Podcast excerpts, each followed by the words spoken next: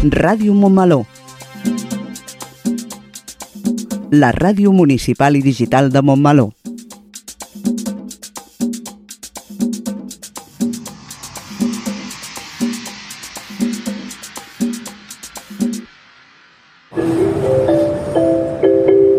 Propera parada, Montmeló.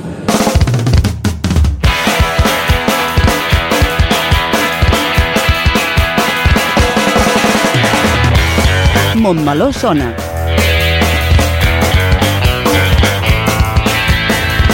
El magazín informatiu de Ràdio Montmeló.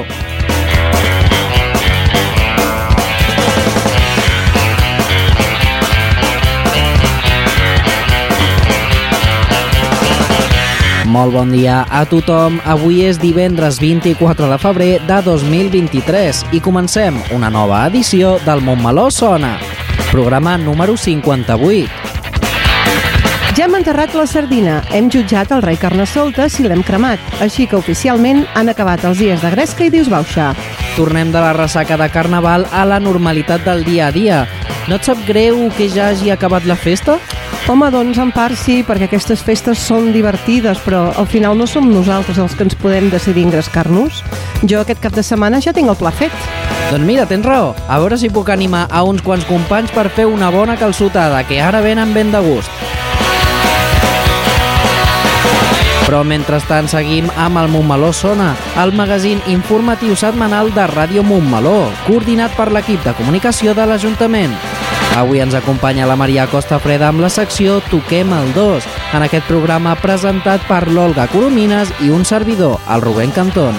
I una vegada fetes les presentacions, passem al sumari de continguts que tenim preparats pel programa d'avui.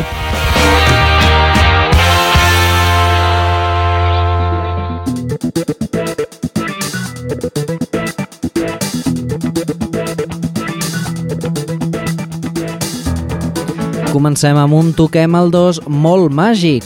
La Maria Costa Freda ens parla del Festival de Màgia Memorial Li Chang, juntament amb el director del festival, Enric Magú.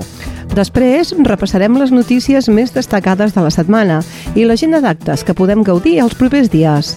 I acabarem amb el bloc de l'entrevista amb l'Iman i l'Itrak, usuàries de l'estació jove, i la Martina Pinyol, dinamitzadora juvenil, per tal que ens expliquin en què consisteix la Setmana Jove. I aquí arribarem al final del programa i com ja sabeu, tot això i alguna cosa més és el que trobarem al Montmeló Sona d'avui, 24 de febrer de 2023.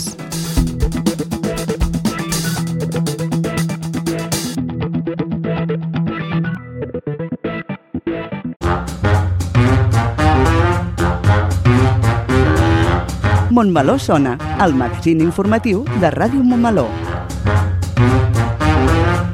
Montmeló sona i sona així de bé.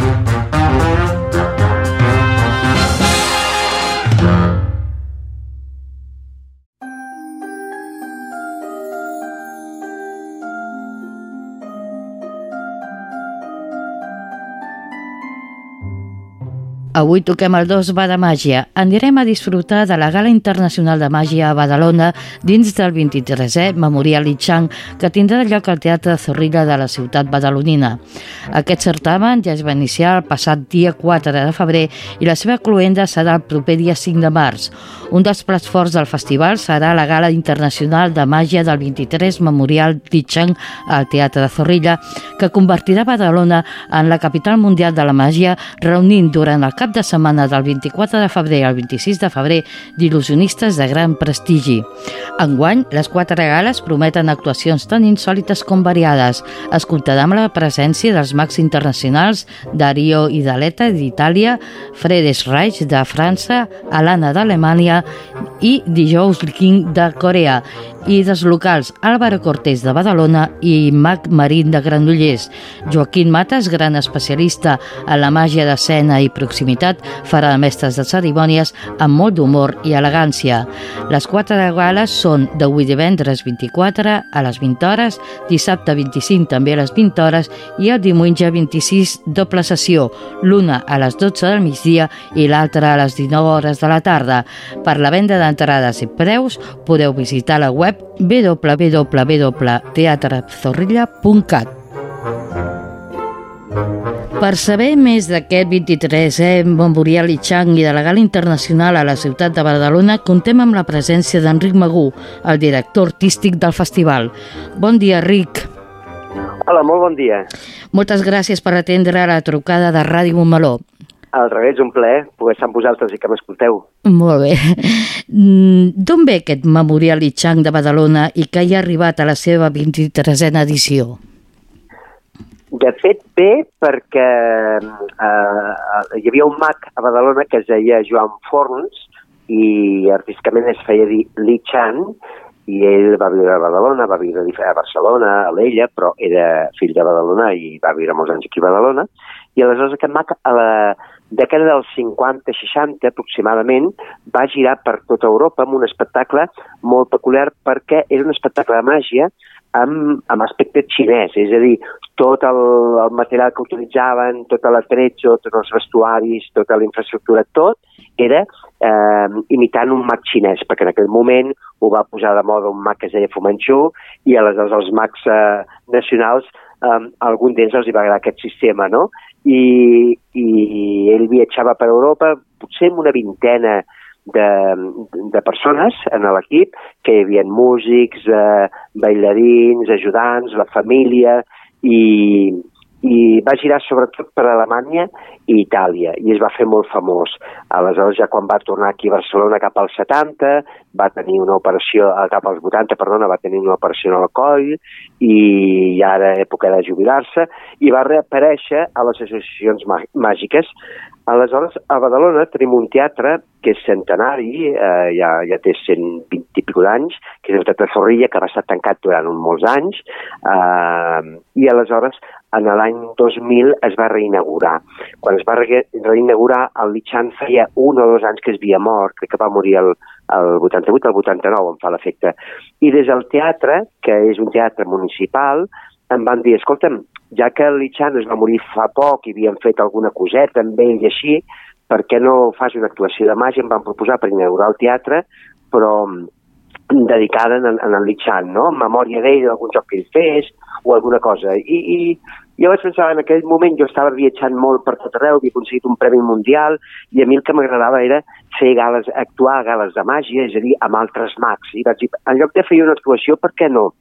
Tu poso diversos mags de diferents especialitats i, i ho dediquem al Lichan, no? Li diem Memorial Lichan en aquesta gala.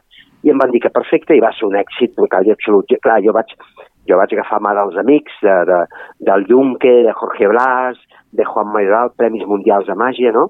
I el Maclari d'aquí a Catalunya, i aleshores vam triomfar molt, aquesta gala va ser fantàstica, i l'any següent em van dir, ostres, hem de tornar a repetir la gala Lichan, li vam posar el nom, i ho farem dos dies, no? I, el, I va ser èxit total i absolut, estaven les entrades exaurides, el segon dia de posar-les a la venda.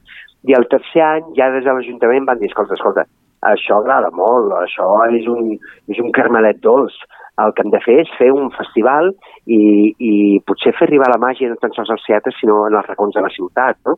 I a partir d'aquí vam començar a engegar amb cultura de l'Ajuntament un projecte que era, doncs, per un costat, arribar a tots els racons de la ciutat eh, a través de les biblioteques, els centres cívics, etc i l'altre, doncs, arribar a tots els teatres fent programació. I el tercer any ja va néixer com a festival i, per tant, ja va quedar instaurat el nom de Memorial Lichan en recorden en Joan Forts. Així va ser com va néixer jo imagino que ens hem aguantat tants anys que, si em preguntaves ara, Maria, simplement perquè com que el, el, en el festival per un costat té aquesta part social que fa que la gent s'involucri perquè no tan sols pots uh, veure màgia pagant entrada, sinó estàs a casa teva quan sals dels barris i t'arriba màgia a la teva biblioteca, a la teva plaça, al teu mercat, no? Aleshores, fa que això s'involucri més i que la gent sigui més i després, per altra banda, doncs, com que l'Ajuntament ha apostat per això, som l'únic festival que darrere hi té directament l'Ajuntament, doncs eh, ens hem permès poder eh, portar mags de renom internacional. Eh, el fet de que durant molts anys ho gravés TV3 i ara ho torna a gravar també ens ha donat una bona projecció i l'èxit que hem anat tenint no tan sols amb les gales, sinó també amb la projecció, doncs ens ha fet que ens poguéssim mantenir. Si és cert que en aquests 23 anys hem tingut molts canvis polítics, molts colors polítics, però tots els, els governants han estimat el festival, se l'han cregut gairebé des del primer dia. potser com que va néixer des de cultura de l'Ajuntament, doncs eh, ha estat diferent a altres llocs, no? i això ha fet que, que ens permetés créixer fins a l'actualitat. Mm, Què ens podem trobar des d'avui fins al proper diumenge al Teatre Zorrilla? Bé, avui estem com en l'equador de les gales. Jo sempre dic que, que eh, en l'equador del festival, perdó, jo sempre dic que les gales internacionals són com la columna vertebral del festival, perquè és que ens dona projecció realment internacional i, i, i per tot l'estat també, no? És el que li interessa més a les notícies, als mags importants, els potents, a vegades més que les coses socials més petites, que també, evidentment, interessen. I a partir d'avui comença la famosa gala internacional, les famoses gales internacionals, que són tres dies en quatre actuacions, divendres, eh, és a dir, avui, dissabte i diumenge matí i tarda, eh, es repetirà la mateixa gala perquè pugui accedir molt de públic diferent. El diumenge la gravarà a TV3 i ens trobem, eh, el que sempre he planificat i ha funcionat molt bé és un tasset de diferents especialitats dins de la màgia. És a dir, el públic que vingui, si veu un mag que no li agrada, al cap de 5 o 10 minuts ja en sortirà un altre i podrà escollir quin mag li agrada més eh, o menys. Fins i tot fem una votació popular per saber els gustos del públic que ve, no? que l'últim dia el, els hi donem un, un reconeixement en el que ha guanyat més, més vots, no perquè sigui més espectacular, potser perquè ha estat el, el que ha arribat més al cor de la gent, potser perquè ha estat el més espectacular, potser perquè ha estat el, el, el, el més poètic, ben saber, no? depèn dels gustos de la gent. En concret, aquest any, eh, ja que estem fora de la pandèmia ja no tenim cap mena de restricció, ja es nota la gent, perquè tots tenen ganes de sortir, de compartir, hem pogut tornar a portar mags d'arreu del món. L'any passat vam només portar un parell de països per si que hi havia restriccions. Aquest any tenim d'Itàlia el Dario Arileta, que és un mag super original que fa aparèixer aigua a les mans, d'on surt l'aigua, és molt plàstic, molt visual, molt, molt xulo. Després tenim una maga fantàstica, és difícil trobar magues, però sempre ens nutrim de magues, o bé sigui a la Gala Màgia Humor, a, a les biblioteques o a la Gala Internacional. I aquest any tenim a Alana, una maga alemana, que fa aparèixer mans, eh, té dues mans i de cop li surt de, de la butxaca de la jaqueta una altra mà i li surt de dintre la cintura una altra mà i li surten mans a tot arreu. I mai saps quina és de veritat o no, però ella et va encenant tot el rato, va donant voltes i va encenant i dius, ostres, com, com, com ho pot fer això? Després tenim um, de, de fora també uh, uns germans que es diu en germán Chase, són francesos, i ells ens, ens fan com un palet aeri amb uns avions, és com una sorpreseta que volen per damunt del cap de la gent i és molt espectacular, no és màgia, però en canvi et fa viure un moment màgic, no? que això està molt bé que en un festival de màgia visquis moments màgics amb coses que potser no sempre han de ser màgia, a vegades um, posa algun malabarista, algun equilibrista, que et produeix una sensació màgica. Després també tenim a, a un numeron que va venir ja fa 12 anys, que és Premi Mundial de Màgia, de Manipulació, un coreà que es diu Han Yu, Han Yu Kim, i aquest coreà va ser Premi Mundial, com et deia, i ha estat en els darrers mesos amb un espectacle Broadway que es diu The Illusionist, als Estats Units, i eh, aquest cap de setmana està que Blackpool que ha guanyat el, el gran premi de la Convenció de Blackpool, que és un premi buah, superapreciat. Aleshores, arriba en un estat realment eh, increïble, és un número de manipulació, d'on ve l'autèntica paraula ser digitador, manipulació, presti, destresa, digitador de dits, i fa aparèixer cartes i boles de les mans, que dius, ostres, d'una jaqueta hi pot haver un doble fons, però a la mà hi ha el doble fons. És, és apassionant veure'l. I amb tots aquests estrangers no ens n'oblidem de la gent de la Terra i aquest any tenim eh, eh, tres mags catalans Uh, un és el Joaquim Matas, que serà el presentador, que és un mag que porta molts anys el Premi Nacional de Màgia, porta molts anys recorregant escenaris i la seva màgia és parlant i participativa i de presentador ens hi encaixa perfecte. Després tenim el mag Marín, que ens tancarà amb grans il·lusions, que, que és de Granollers, i el mag Marín, eh, a part de que va triomfar uh, a programes de televisió, guanyant el primer premi així, justament aquest any passat ha guanyat el Mandrac d'Or que es dona a França, a París, que és com l'Oscar de la màgia de Hollywood, però, però ai, eh, com l'Oscar de, de Hollywood, però màgia. Vale? I finalment tenim un mag de cantera, un mag de Badalona, que té l'edat del festival, 22-23 anys, i ell va néixer amb el festival. I me'n recordo que els seus pares el portaven de petita a les biblioteques a veure espectacles. I li agradava molt la màgia. Tinc alguna foto amb ell quan tenia 7 o 8 anys. I va fer un taller de màgia a les biblioteques. Va aprendre màgia, es va aficionar, venia als festivals, em preguntava quan tenia 15 anys. Escolta, em puc venir a fer màgia de prop mentre entra la gent al vestíbul del teatre? I venia, i ja a la gala de clausura, que es diu Gala Solidària, que és de Max Joves, ella hi va participar fa uns 5 o 6 anys, va guanyar el Premi Jove Litxan i l'any passat va guanyar un Premi Nacional de Màgia en un congrés nacional. I aleshores aquest any he decidit que amb aquest número que va guanyar, que és fantàstic, un número molt teatral, que vingués a, a participar a la gala i realment ell està content i jo super orgullós de que el festival hagi germinat i hagi donat no, a, a Max Joves. Uh -huh. O sigui que Badalona durant unes setmanes respira totalment màgia per tots els llocs. Correcte, uh -huh. correcte. La cluenda del festival és el proper dia 5 de març. Quins actes ens hi podem trobar? Mira, el 5 de març, encara que aquesta setmana era que bé queden coses a biblioteques i centres cívics, però el 5 de març sempre acabem amb una gala solidària. Solidària perquè el fons que es treu a la gala eh, es dona a, un, a una fundació, a una associació, a, una, a un equip eh, que és Àfrica Màgica, que el que van és a Senegal, en aquest, en aquest cas ha a Senegal, eh, van a, a barris molt pobres, van a leproseries, van a orfan, orfan, orfanidats, ai, no em surt la paraula, ajuda, Maria? Com és? Orfanats. Bé, van a diferents llocs on Sí. la màgia no arriba ni per casualitat i ells van a oferir màgia, aleshores per això es diu solidària. I aquesta, uh, aquesta mm, gala eh, sempre la fem amb mags joves, projecció de mags que poden tenir des de mm, 10, 12, 13, 14 anys, aquest any té un mag eh, César Riol de 14 anys, fins a 21, 22, 23 anys, mags joves de tot Catalunya que ens venen a oferir la seva màgia per contribuir amb, amb aquesta causa. Eh? O sigui que, que, que serà fantàstic. Què els hi diries als montmelonins i montmelonines per animar-los a visitar Badalona i gaudir de la màgia? Bé, és una oportunitat única perquè les gales internacionals i aquesta gala solidària és efímera, és a dir, que la creem expressament per, a, per aquests dies.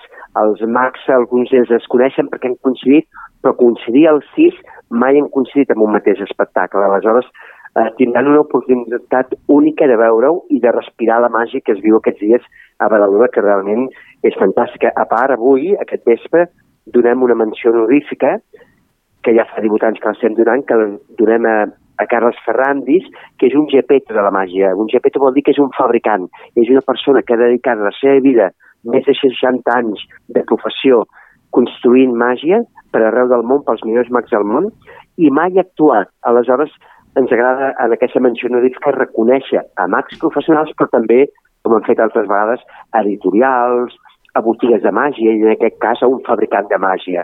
Aleshores, serà una oportunitat única i seria fantàstic poder-vos veure per aquí. És més, tinc un amic de Montmeló que ja va dir que venia el dissabte a veure'm. Que si podia Doncs mira, ja tindràs un montmeloní per allà.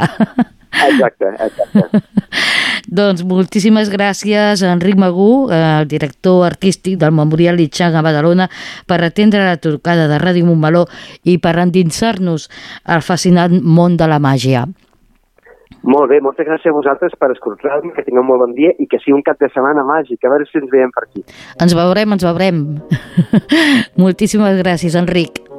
Molt bon dia. Adéu-siau. Bon dia.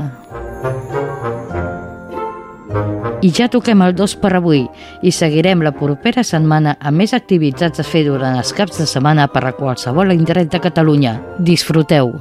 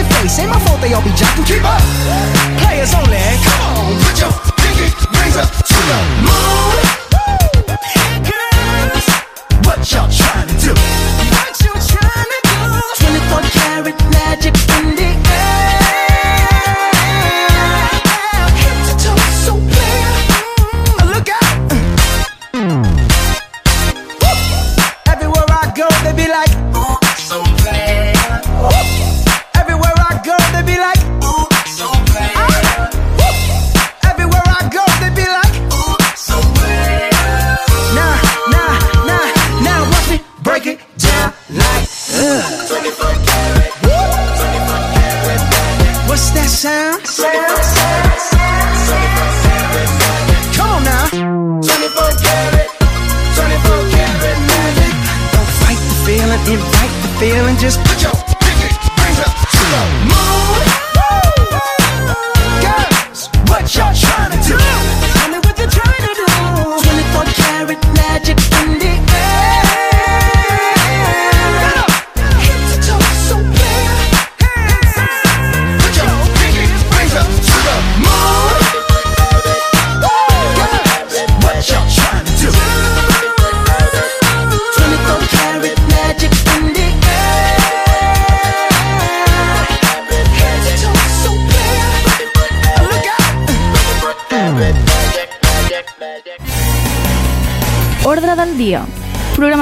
bimensual de debat amb la participació dels portaveus de les formacions polítiques on comentarem temes d'actualitat del municipi. Tercer dimarts de cada dos mesos, un nou podcast de Ràdio Montmeló.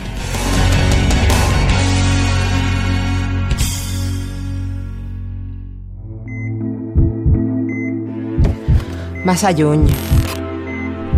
Jo no canviaré res. Quina mandra. Les teves excuses estan acabant amb el nostre planeta. No te n'adones? Estem alterant el nostre ecosistema. Et necessitem. Recicla. Generalitat de Catalunya.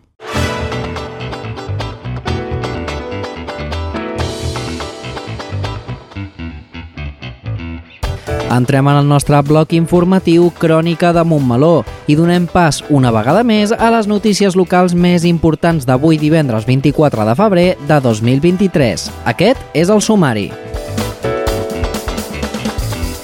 La reina Carnestoltes s'acomiada de Montmeló després d'una setmana plena d'activitats Gresca i Dius Bauxa.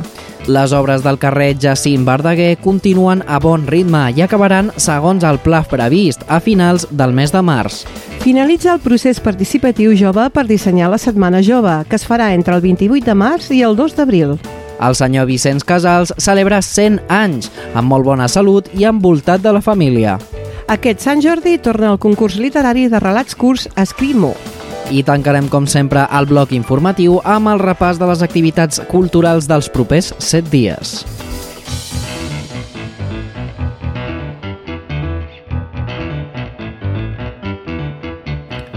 La reina Carnestoltes i els seus ministres porten la festa i la gresca un any més a Montmeló. Dissabte 11, el CIC Esplayat va anar preparant el terreny per l'arribada del rei, amb el tradicional Carnesplai, on tots els infants i famílies van desfilar pels carrers de Montmeló, disfressats de fons marí, estrelles de mar, tortugues, peixos, meduses, taurons i submarinistes van recórrer i ballar pels carrers i places de Montmeló. El dijous gras, el rei Carnestoltes va tornar a Montmeló, però aquesta vegada convertida en una superheroïna, és a dir, enguany el Carnaval de Montmeló ha estat governat per la reina Carnestoltes. Tot això amenitzat amb un espectacle ple de llum, color i música on la nova reina Carnestoltes i els seus ministres van inaugurar el cicle carnavalesc mentre l'antic rei Carnestoltes i la seva ajudant, la rutina, feien de les seves. Divendres va ser el torn de les escoles i cadascuna d'elles va fer una rua amb la participació de tot l'alumnat ben guarnit per l'ocasió. Al llarg de la setmana, tots ells, a més dels infants de la fireta, havien anat seguint les ordres que els ministres del rei Carnestoltes els hi havia fet arribar. Un dels actes més esperats era la Rua del Rei Carnestoltes, que tornava després de dos anys i on 23 comparses i grups van acompanyar la carrossa del Rei Carnestoltes per portar la gresca i la xerinola per tot Montmeló.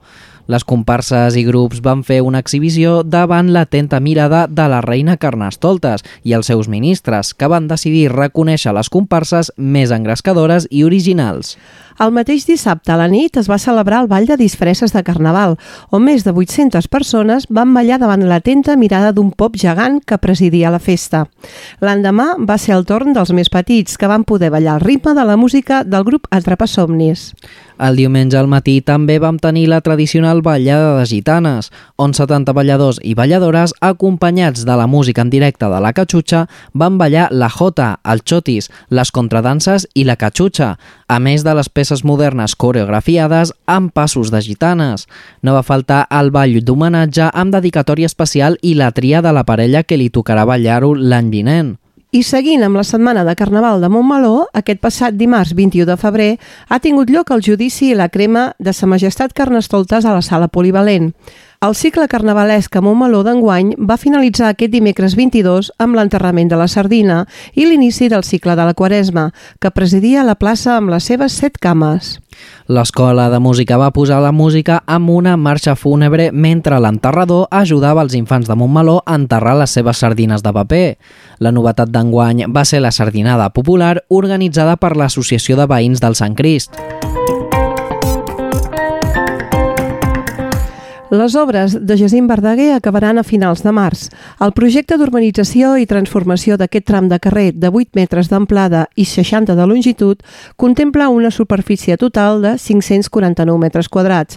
Suposarà una millora radical, ja que el tram passarà a ser una plataforma adaptada, augmentant l'amplada de voreres i millorant la mobilitat dels vianants.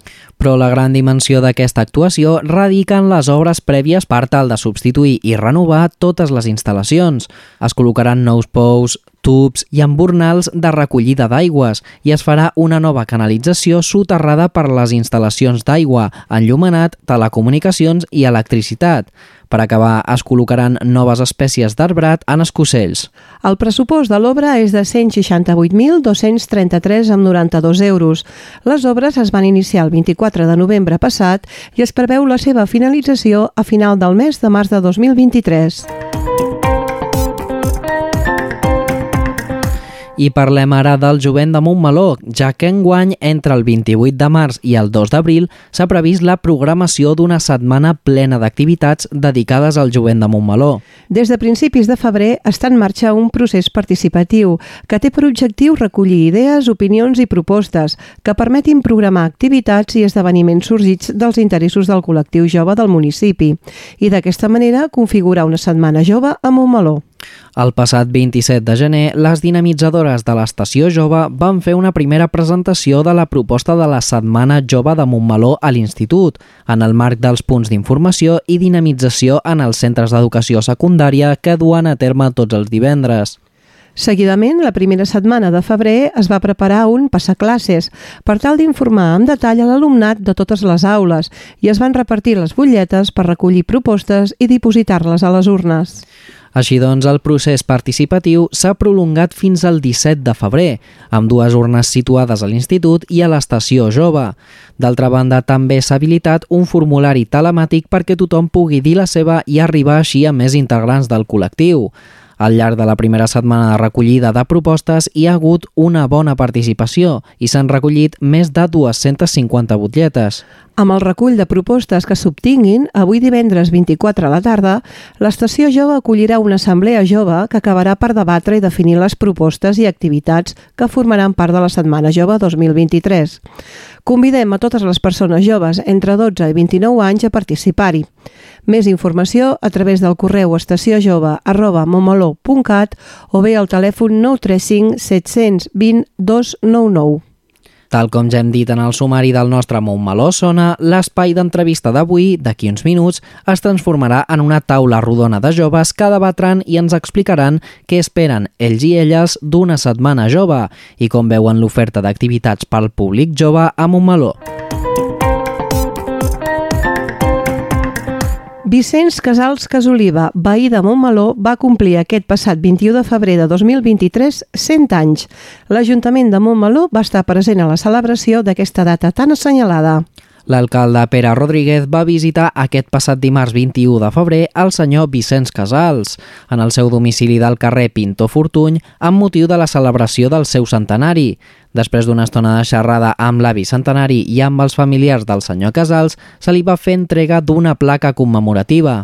Vicenç Casals va néixer a Balcebre i va arribar a Montmeló aproximadament fa 60 anys. És usuari del Casal de la Gent Gran, on participa cada dia activament de les activitats del centre, especialment jugant al dominó. Té dos fills, dues netes i dos besnets i es troba en un estat de salut excel·lent. Aquest cap de setmana celebrarà amb tota la família Casals Casoliva l'aniversari. Actualment és la segona persona més gran de Montmeló, on es dona el fet que hi ha 5 persones més amb 99 anys, que enguany també celebren el seu centenari. L'Ajuntament va compartir una bona estona amb l'avi centenari i amb la seva família i tots els protagonistes d'aquesta trobada van fer declaracions per Vallès Visió, explicant com estaven vivint aquesta jornada tan especial. Com que tampoc de- allò de dir estar malalt no n'estic, mal, per dir mal tampoc no en tinc. Tinc gana, m'ho faig tot jo, m'ho vesteixo jo, m'espullo jo i tot. Doncs pues mira, perquè no volia que nosaltres estiguéssim allà perquè l'únic que hi havia era era, diguéssim, la mina, no hi havia res més allà. Llavors, pues, eh, ens vam venir aquí baix, vam anar primer aquí al polígon industrial, em sembla que vam estar un any i mig o dos, i després vam venir a viure aquí a Montmeló. Cada dia vaig al casal, a la tarda el, el vaig a buscar jo o el meu germà perquè no pugi aquesta pujada perquè és forta i la veritat és que els del casal, la gent del casal, tothom vol jugar amb ell perquè diuen que en sap molt. Sempre és una satisfacció, no?, saber que hi ha persones que arriben als 100 anys. Per sort, l'esperança de vida cada cop és eh, més, més alta, més gran, i enguany, de fet, ara ho parlàvem, que tindrem a Montmeló sis persones que arribaran als 100 anys, esperem que arribin tots i totes. I, per tant, doncs, sempre és un motiu de satisfacció, no? Crec que és una, és una bona mostra de que, de que cada cop vivim més, cada cop en millors condicions, per sort, i, i cada cop tenim més serveis per la gent gran també, no? que fan que, que sigui més fàcil arribar a edats més avançades. I acabem aquest bloc de notícies parlant de literatura, ja que aquest Sant Jordi torna al concurs literari Escriu Mo. Per quart any consecutiu es convoca el Premi Literari de Relats Curts Escriu Mo, que es va iniciar l'any 2020 arran de la pandèmia i que ara ja s'ha consolidat com una de les activitats més destacades de la Diada del Llibre a Montmeló. L'àrea de cultura de l'Ajuntament, juntament amb l'Oficina de Català i Òmnium Montmeló, et volen convidar un any més a participar en el concurs literari Escriu Mo. Aquest és el quart any que s'organitza el concurs de relats breus, amb l'objectiu que les persones lectores habituals es converteixin per un instant en escriptores i escriptors d'un conte curt. Enguany és de temàtica lliure i t'animem a crear el teu propi relat d'entre una a tres pàgines. Els relats han de ser inèdits i escrits en llengua catalana. Del 22 de febrer fins al 23 d'abril teniu temps per pensar, imaginar, crear i redactar el vostre relat i enviar-lo amb un pseudònim inèdit a montmeló.cpnl.cat segons les bases del concurs que tindreu aviat a la web municipal www.montmeló.cat. És un concurs adreçat a tota mena de públic, amb la qual cosa s'han establert quatre categories per edat. Categoria A, de 6 a 8 anys. Categoria B, de 9 a 11 anys. Categoria C, de 12 a 16 anys. I la categoria D, majors de 16 anys. Els premis que s'otorgaran seran lots de productes culturals i vals de compra. L'objectiu d'aquest concurs és donar a tothom la possibilitat d'escriure i transmetre a través d'un relat, d'una història inventada, d'un tema que us apassioni, d'uns fets que us marquin, d'un record viscut, allò que us vingui de gust. Hi ha tantes coses a dir i poder-les explicar a través del concurs és una bona eina per conèixer que Montmeló és cultura i també és literatura.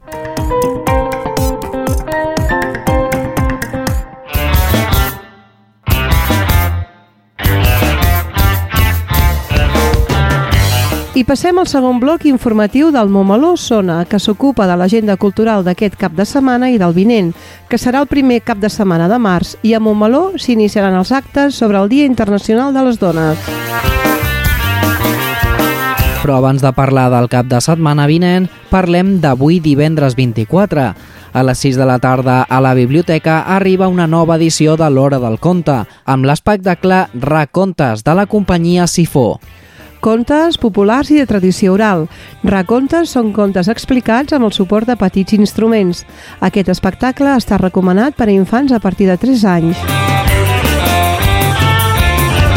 I a la Sala de la Concòrdia, amb motiu del Dia Mundial de les Malalties Estranyes, la Fundació Anèmia de Fanconi ens proposa una xerrada sobre el càncer hereditari i les opcions reproductives a càrrec de la doctora Estela Carrasco, assessora genèrica de l'Hospital de la Vall d'Hebron. La xerrada es complementarà amb el conte Arnau tiene una enfermedad escondida, escrita per la mare de l'Arnau per explicar-li la malaltia que patia. Demà dissabte 25 a les 7 de la tarda, darrer espectacle de la temporada d'hivern de la Polivalent, amb l'espectacle de circ de la companyia Vaivén Circo Essencial. Aquest espectacle, que combina malabars, equilibrisme i dansa, va rebre el Premi Nacional de Circ 2016. En ell, cinc actors virtuosos de circ pugen a l'escenari per jugar i somiar en un viatge ple d'aventures. La venda d'entrades és a través de la web d'Entràpolis i els preus van dels 6 euros als 12 euros segons edat i altres descomptes. Encara queden entrades, no us ho perdeu! Abans de passar als actes del proper cap de setmana, us recordem dues activitats radiofòniques que podeu fer aquests dies. Demà dissabte a les 12 del migdia publicarem el podcast del programa de les escoles de primària. Estem parlant del programa Els infants també parlen d'aquest mes de febrer. Per altra banda, dimarts 28 tenim un nou podcast d'ordre del dia, on els portaveus de les formacions polítiques del consistori debatran sobre els temes marcats al pla d'actuació de mandat. I també el mateix dimarts 28 de febrer, per acabar el mes, l'Ajuntament de Montmeló farà la seva sessió plenària del mes de febrer. Com ja és habitual, el ple es realitzarà a la Sala de la Concòrdia de l'Ajuntament i està obert a tota la ciutadania. També podeu seguir el ple en directe pel canal de YouTube de l'Ajuntament. Iniciem ara sí les activitats del proper cap de setmana amb els actes commemoratius del Dia Internacional de les Dones que aquest any s'avancen al 8 de març.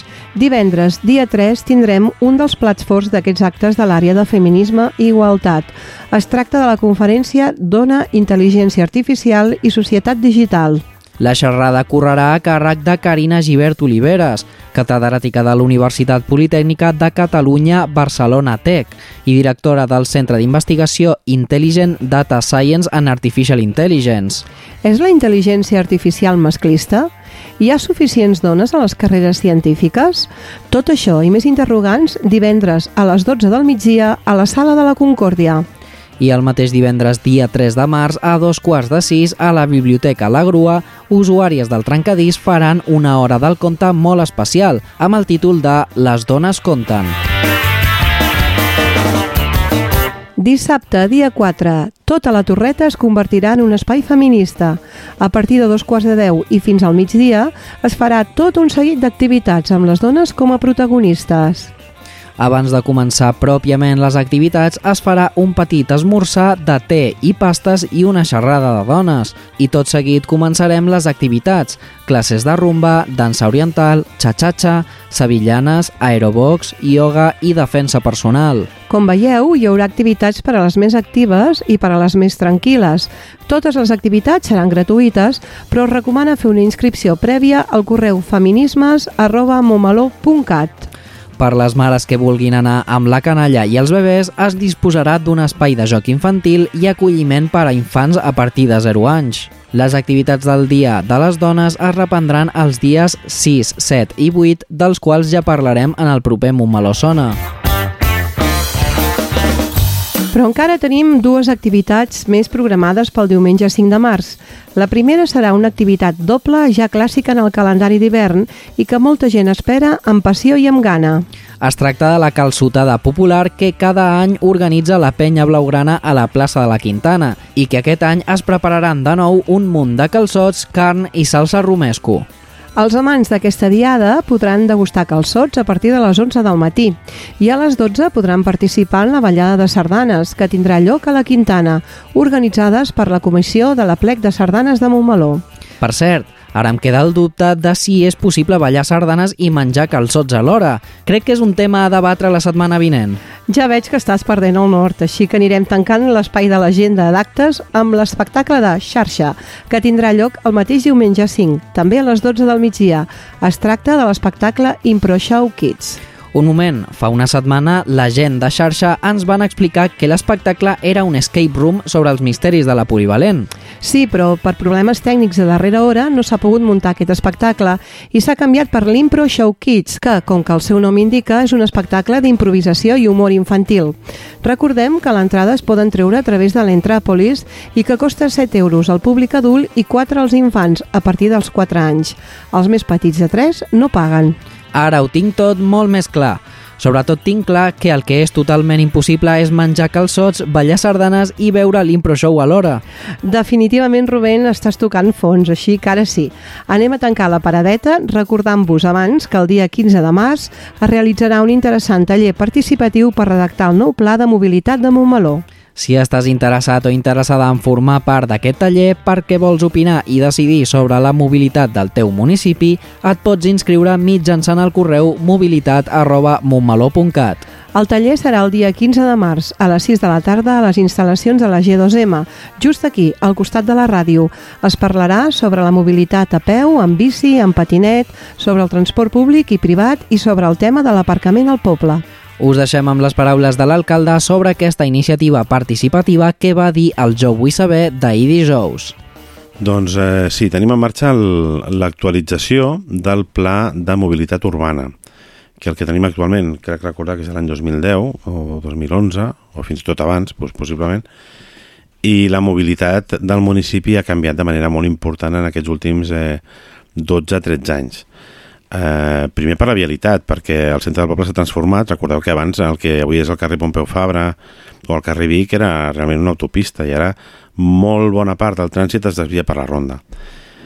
La mobilitat del poble ha canviat, també han canviat els dispositius de mobilitat. Avui tenim vehicles que no teníem fa, fa 10-15 anys, tenim patinets, tenim, tenim bicicletes elèctriques, tenim vehicles que no teníem en aquell moment i per tant eh, la nostra intenció és fer una actualització del pla de mobilitat urbana i dintre d'aquesta actualització del pla de mobilitat urbana volem fer un procés participatiu on els principals agents involucrats en la mobilitat del municipi, especialment els que poden tenir més dificultats, puguin dir la seva, puguin participar i expressar les seves prioritats, les seves preocupacions o les seves inquietuds respecte a la mobilitat de Montmeló. El més immediat jo crec que serà aquest, el pla de mobilitat urbana, i eh, el dia 15 de març ja tenim previst fer el, un taller participatiu. Ens acompanyarà EDAS, que és, eh, que és una consultora de participació ciutadana que ens farà la dinamització dels tallers del dia 15 i si algú té propostes i vol enviar-les, doncs ja tenim obert un, un correu electrònic que és mobilitat, eh, en català, per tant en ve alta, mobilitat arroba montmeló.cat.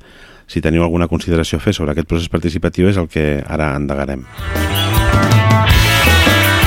Doncs amb aquesta invitació tanquem ara sí el nostre bloc informatiu. Com sempre diem, tot això i molt més ho podeu trobar també al web montmeló.cat, al butlletí crònica i a l'agenda mensual municipal.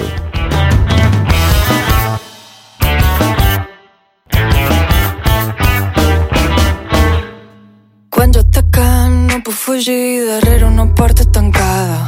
He a cinc cabells i crec que ja m'han sentit. Volen venir i per això baixaran de sa muntanya per escoltar tot el que té a dir. I el sol s'obrirà i enmig de la mà brollarà una font d'aigua dolça. Els peixos perdran son natural d'elits. I enmig d'un gran foc ho podré tot sentir en de vent en fora paraules de dol convertides en crits llamp, foc, vent, mort, fred, dol qui decideix un ordre cel, mar, sol un camí qui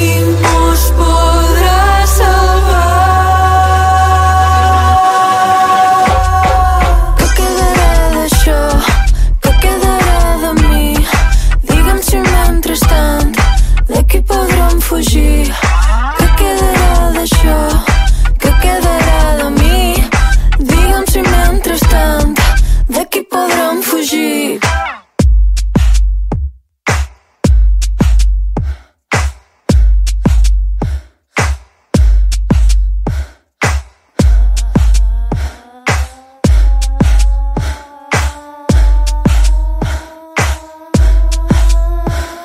Escolta què canta, estic explicant que passaran les següents coses. El cel davallarà i tot s'enfonsarà, només s'obraran ses muntanyes. M'adonen sa mà, es perdó bastarà. I qui sóc jo per respondre't? Jo canto que cant, que està levitant per damunt de totes les coses. Creus que no passarà, que te salvaràs? Te penses que no com els altres, t'estàs equivocant, desafiant l'ordre natural de les coses. Pensa un poc més, mira més enllà, ho podràs sentir si t'esforces. Arribes final i arriben totes les forces. Què quedarà d'això? Què quedarà de mi? Digue'm si mentrestant d'aquí podrem fugir. Què quedarà d'això? Què quedarà de mi? Digue'm si mentrestant d'aquí podrem fugir. Què quedarà d'això? Quedarà de mi? Digue'm si mentrestant d'aquí podrem fugir. Què quedarà d'això? Gran gent gran.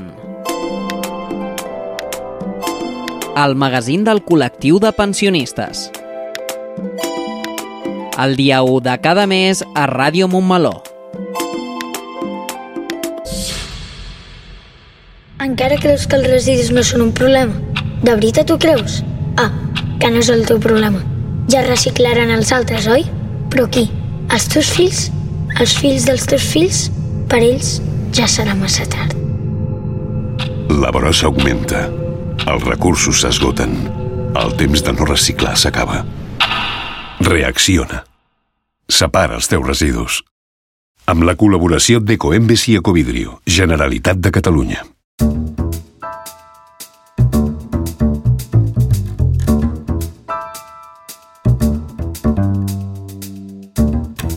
Entre el 28 de març i el 2 d'abril s'ha previst la programació d'una setmana plena d'activitats diverses dedicades als i les joves de Montmeló, amb l'objectiu que aquest col·lectiu en sigui l'autèntic protagonista.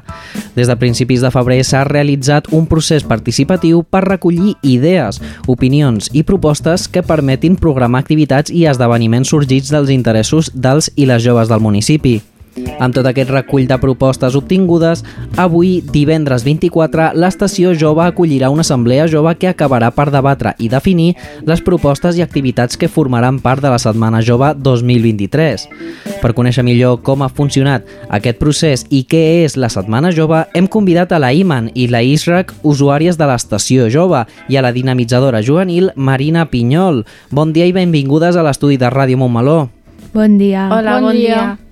Eh, Expliqueu-nos una mica, eh, què és la Setmana Jove? En què consisteix? Bueno, la Setmana Jove consisteix que l'estació i l'Ajuntament organitza, organitzaran diferents activitats per a joves de 12 a 29 anys.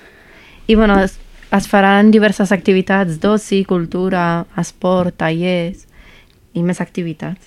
I bueno, serà una setmana del dia 28 de març fins al 2 d'abril. I com s'hi pot participar? Quins han estat els canals de participació que, que ha tingut el jovent? Eh, doncs fa dues setmanes les dinamitzadores de l'estació jove van venir a l'institut Mm. i ens van explicar com podíem fer les votacions.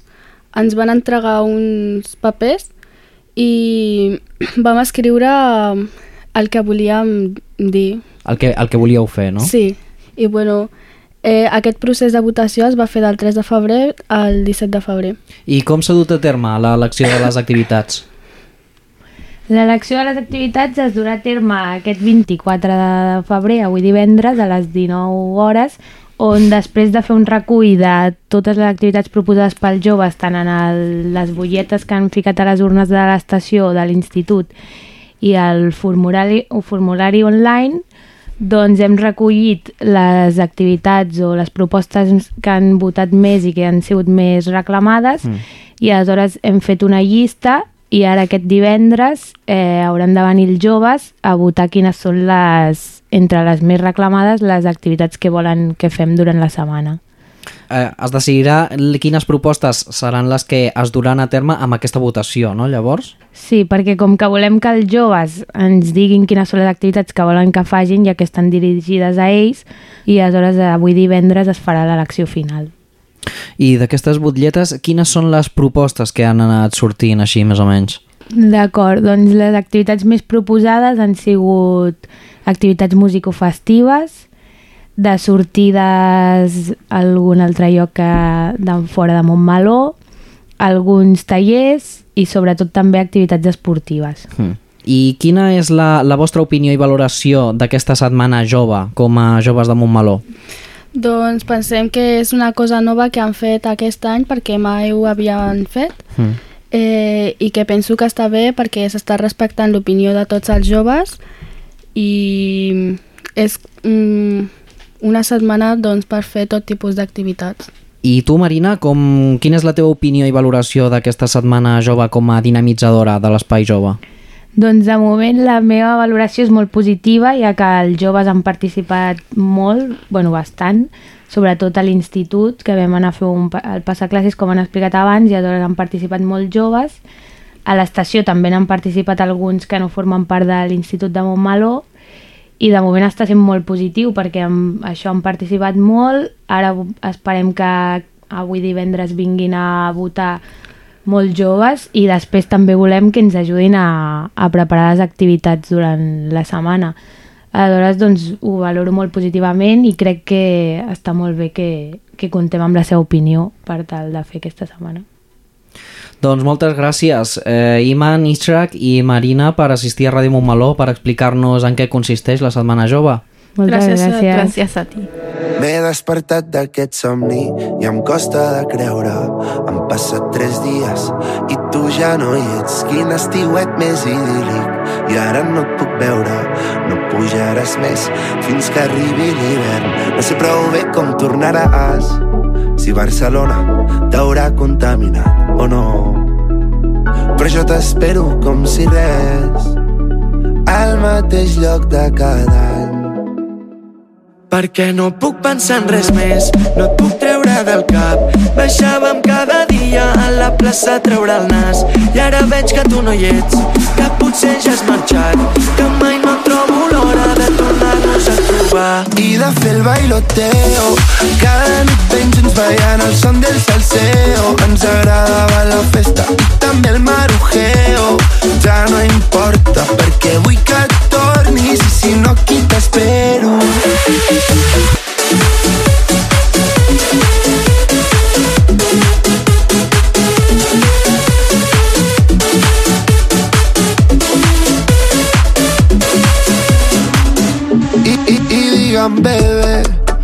ja són masses dies en els que jo et penso. M'agradaria olorar la teva pell. M'agrada poder viure de tu i de fer el bailoteo. Cada nit ben junts ballant el son del salseo. Ens agradava la festa i també el marujeo. Ja no importa perquè vull que tornis i si no aquí t'espero. Passar-me la vida amb tu per trobar-te el teteo. Que cada vegada em diguis que ballem junts a Teo. Abans del jangueo, que fem al parquineo. Ja no importa i si no aquí t'espero. Porto tanta estona, tota l'estona que sento que perdo el temps i al final tot és una tonteria. Tota la vida li he donat voltes per res perquè no puc pensar en res més, no et puc treure del cap. Baixàvem cada dia a la plaça a treure el nas i ara veig que tu no hi ets, que potser ja has marxat, que mai no trobo l'hora de tornar-nos a trobar i de fer el bailoteo. Oh, oh, oh, ballant el son del salseo. Oh, oh, oh, oh, oh, oh. I, i també el marujeo. Ja, ja no importa perquè vull que tornis i, i, i t'espero La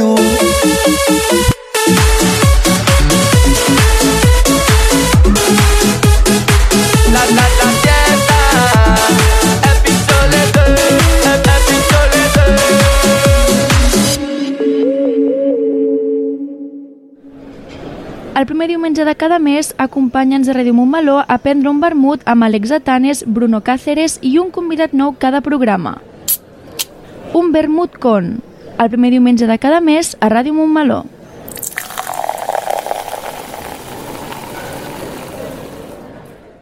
Cada família genera de mitjana uns 40 quilos de residus cada setmana. Això equival a uns 2.000 quilos cada any. Si adoptem hàbits de prevenció, si dipositem els envasos de plàstic, llaunes i brics al contenidor groc, els envasos de vidre al verd, el paper i el cartró al blau i la matèria orgànica en bossa compostable al marró, el nostre impacte serà menor i l'estalvi important. Els nostres residus, la nostra responsabilitat. Generalitat de Catalunya, amb la col·laboració i el finançament dels sistemes integrats de gestió de residus.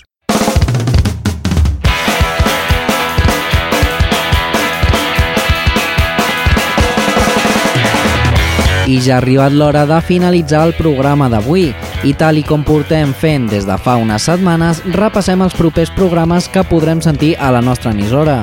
Demà mateix, dissabte 25 a les 12 hores, tenim una nova edició dels Infants també parlen, el programa dels alumnes de les escoles primàries del municipi, el Pau Casals i el Sant Jordi.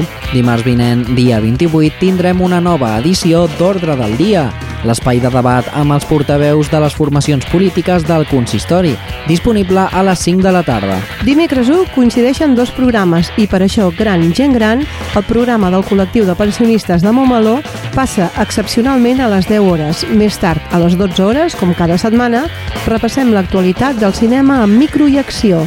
Finalment, dijous dia 2 a les 9 del vespre, el Marçal Pont i el Pablo Sánchez condueixen un nou programa de Fora de Joc, així que tots els amants de l'esport esteu ben atents.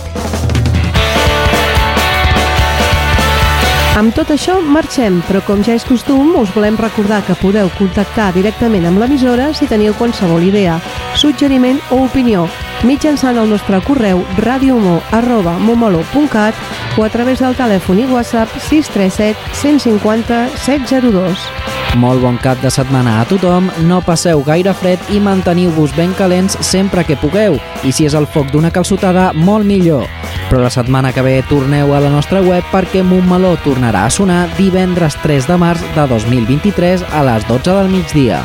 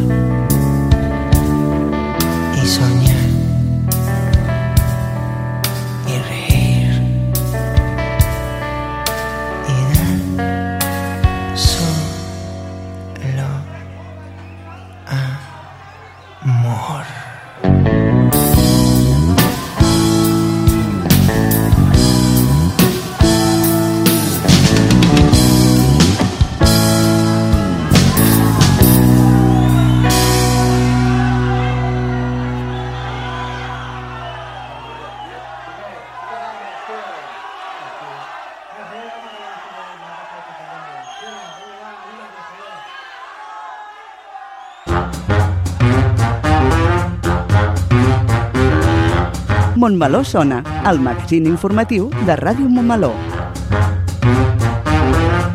Montmeló sona i sona així de bé.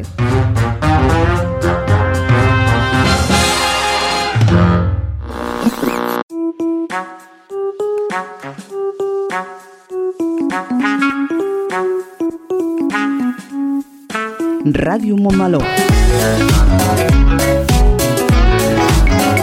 Sintonitza'ns al web radiomontmeló.cat i a través de les xarxes d'Instagram, Facebook i Twitter.